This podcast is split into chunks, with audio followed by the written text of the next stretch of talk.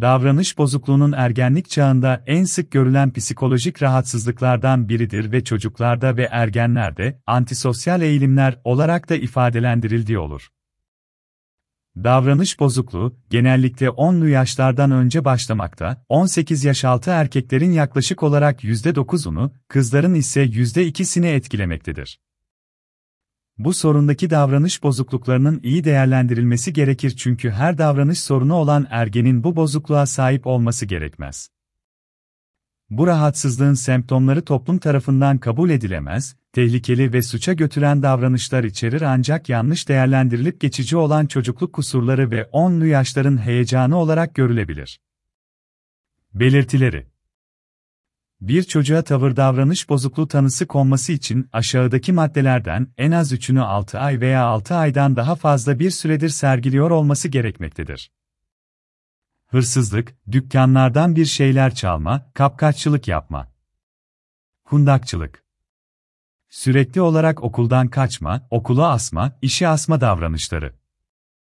Birilerinin ofisine, evine, arabasına zorla girme kasıtlı olarak başkalarının mallarına zarar verme. İnsanlara ve hayvanlara fiziksel zarar verme.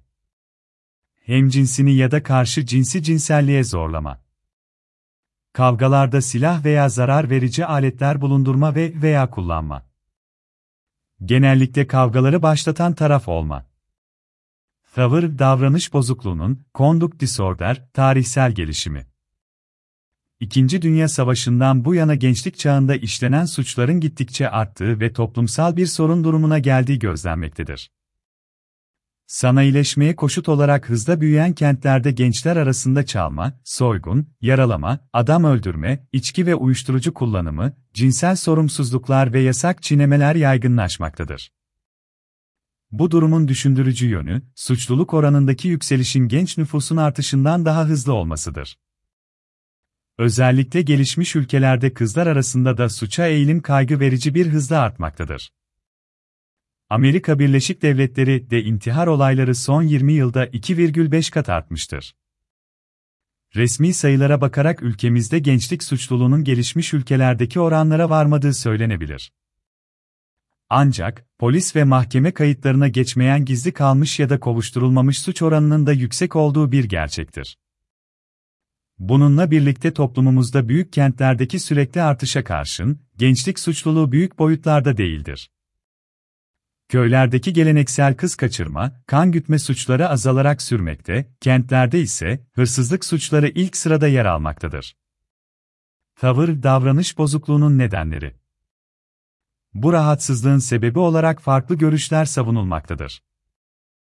Psikonalitik teorilere göre, saldırgan ve antisosyal davranışlar, çocuğun anne-çocuk ilişkisini tekrar kurma çabası, içsel kontrolü kuramaması, aşırı endişe ve kaygıyı bastırma çabası, anneden ilgi görememesi sonucu oluşur.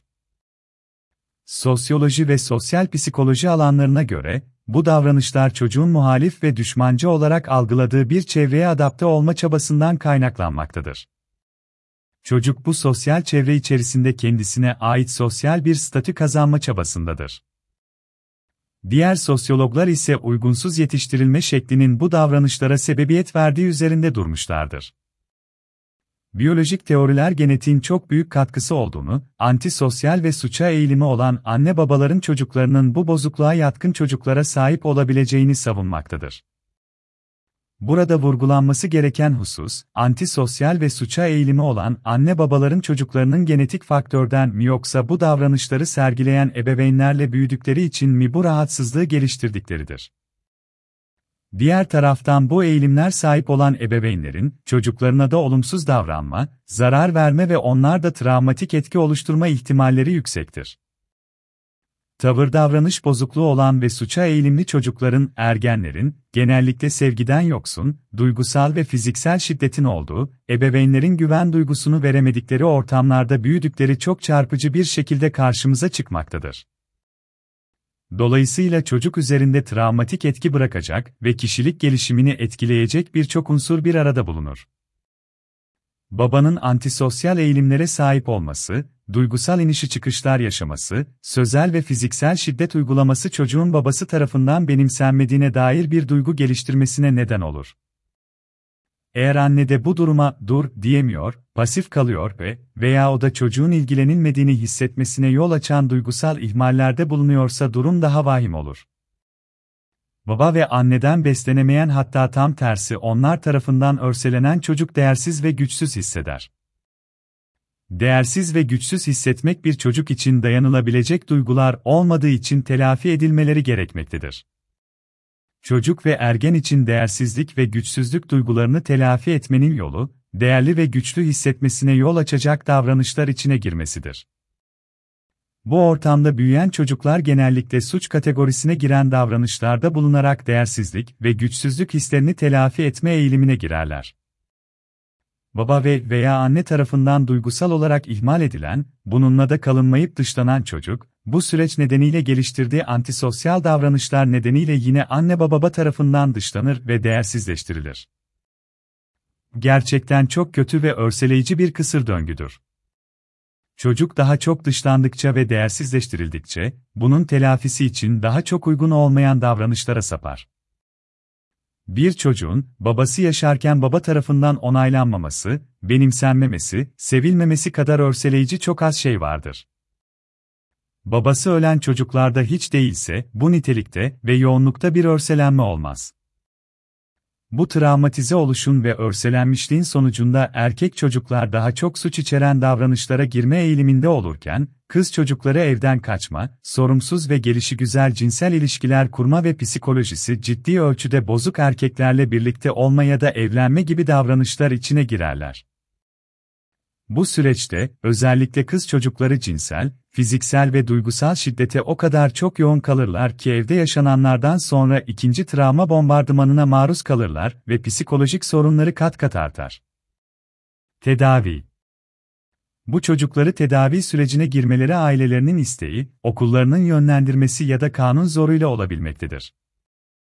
Psikoterapide aile ile çalışmak çok önemlidir, çünkü bu çocukların ebeveynlerinde ciddi psikolojik sorunlar ve davranış sorunları olduğu çok sık karşılaştığımız bir gerçektir. Ebeveynlerin bu sorunları, çocuğun duygusal ve fiziksel şiddete maruz kalmasına ve veya duygusal olarak ihmal edilmesine yol açmakta, bunun neticesinde yaşadığı travmatik deneyimler de çocuğun ergenlik döneminde bu sorunu geliştirmesinde belirleyici olmaktadır bu çocukların kendi hayatlarına kavuşmaları ve topluma dahil edilmeleri için travma çalışmaları yapılmalıdır. Uzun süreler ve yoğun bir şekilde tekrarlayan travmatik durumlara maruz kaldıklarından diğer psikolojik sorunlarda olduğundan daha uzun soluklu bir tedavi ve psikoterapi süreci gereklidir. Mümkünse mutlaka aile ile çalışmak tedavi sürecine katılmalıdır.